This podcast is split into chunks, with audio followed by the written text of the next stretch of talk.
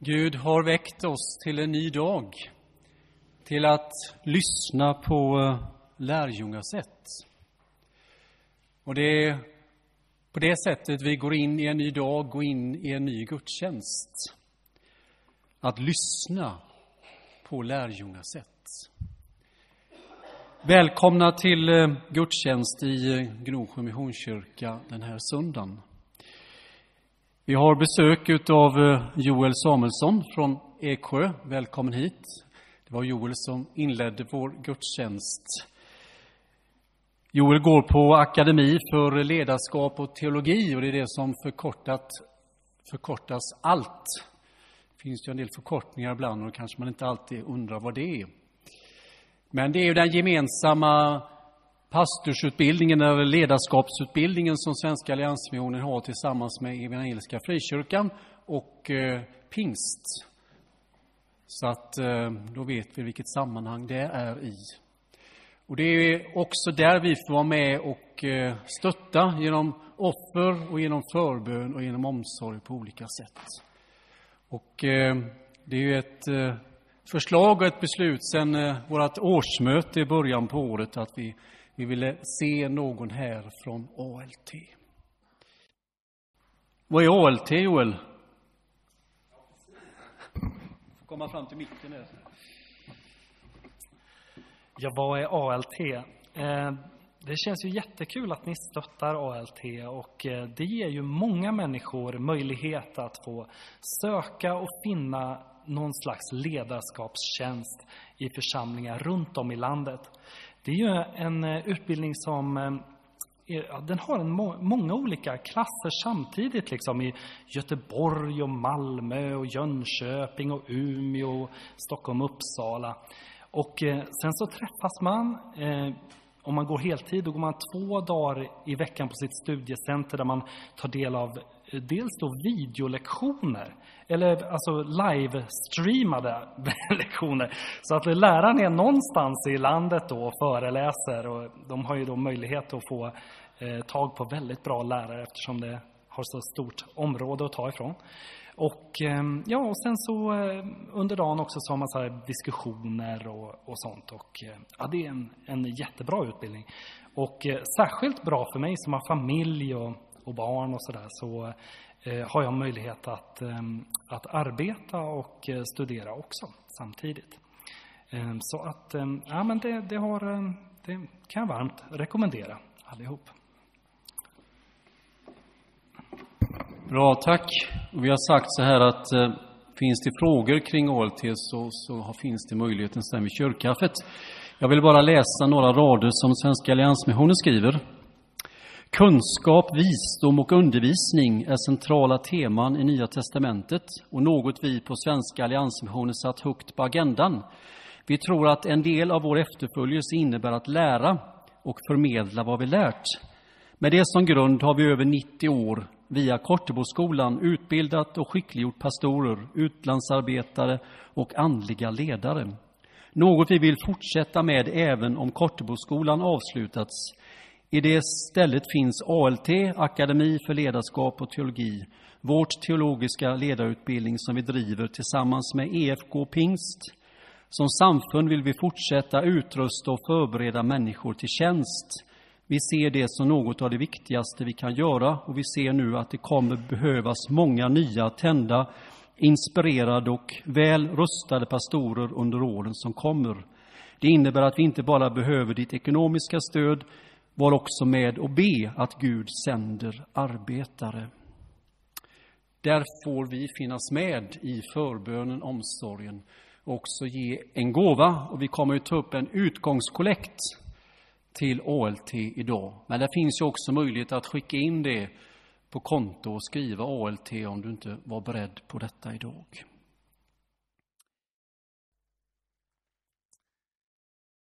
Ja, först så var det hoppet. Och sen var det nedförsbacke. Men det gick lite för snabbt. Det gick alldeles för snabbt. Och sen hände det som inte fick hända. Hon tappade kontrollen. Det var full fart. det som inte fick hända hände. Och så kraschen. Det gick så snabbt och så bara låg hon där, medvetslös, medan sekunderna och livet tickade iväg.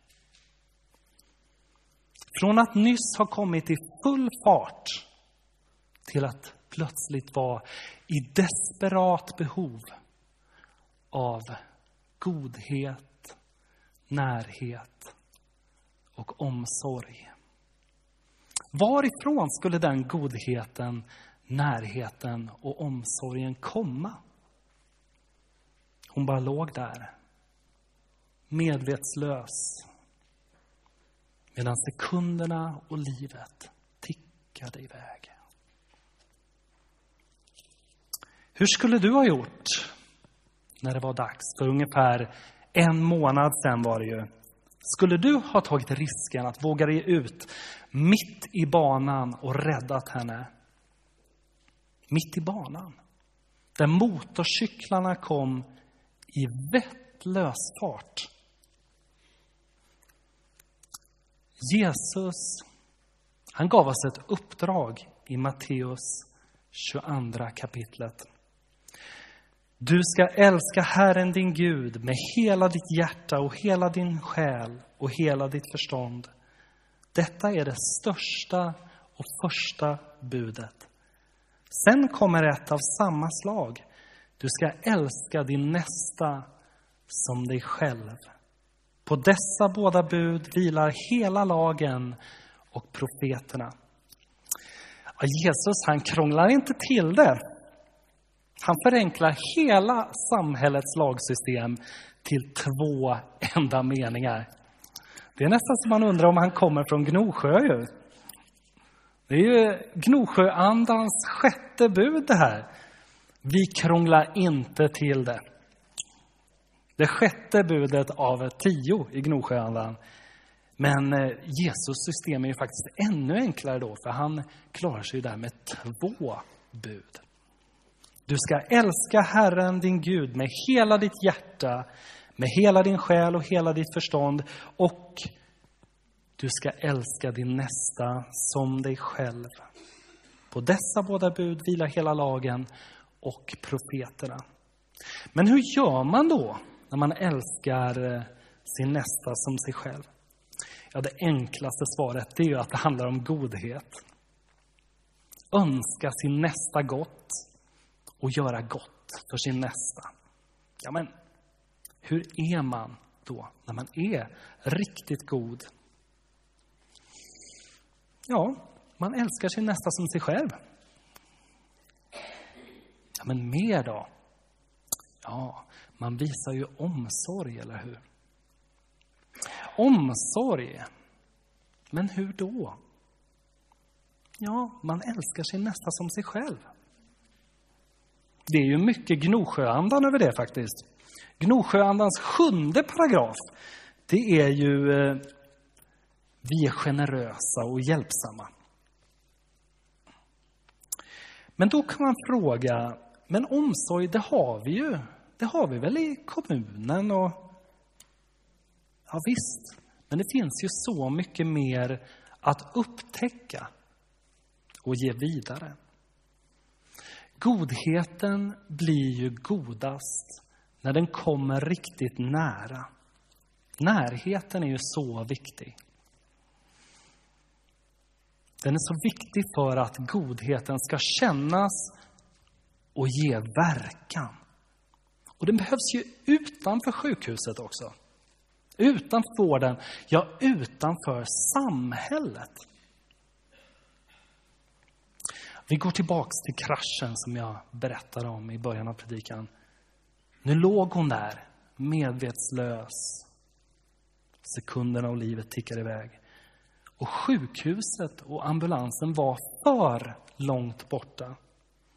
Hon var i desperat behov av godhet, närhet och omsorg. Och det behövdes där och då, utanför samhällets ramar. Varifrån skulle den komma? Hon behövde en fristad, en räddare, en frälsare, godhet, närhet och omsorg. Och hon bara låg där. Hur skulle du ha gjort? Skulle du ha tagit risken att våga dig ut för att rädda hennes liv mitt i banan där motorcyklarna kom så fort? Ja, hjälpen, den kom faktiskt från Gnosjö den här gången. Han kom från Gnosjö och han gjorde det. Han räddade henne. Hur kunde han? Var det Gnosjöandan kanske? Eller var det kanske Gud som gav honom lite extra kraft just där och då att springa in mitt på, på banan? Hur som helst så sa han, i efterhand kan jag tänka att det var dumt av mig att springa ut mitt på banan där folk körde. Men jag var bara tvungen att få stopp på åkarna. Vad betyder det för oss att livet är en pågående tävling för så många? En tävling där man måste vinna varje hit för att inte vara en loser. Det här tävlande livet, det kan ju vara allting från att alltid visa det perfekta kanske. Eller till att kanske stå kvar sist när tåget kommer. Att inte vara en loser. Ja, vad betyder det för oss att livet är en pågående tävling för så många? Vad betyder det för oss att så många får upp en sån fart att de tappar kontrollen och kraschar? Är det viktigt att frälsaren kommer in på banan? Kan vi förstå att eh, fastän hon kraschade med motorcykeln så förlorade hon inte tävlingen utan hon blev räddad. Ja, när hon faller ner där så blir publiken alldeles paralyserad. Och sjukvårdarna är långt borta. Hon säger i efterhand, jag vet inte hur jag ska kunna tacka honom. Han har räddat mitt liv. Jag blir rädd när jag tänker på olyckan. Jag hade kunnat dö. Det säger Ebba efter kraschen. För henne, för henne just där så var det en vrålande skock motorcyklar som var på väg mot henne. Det var här, i det här landet.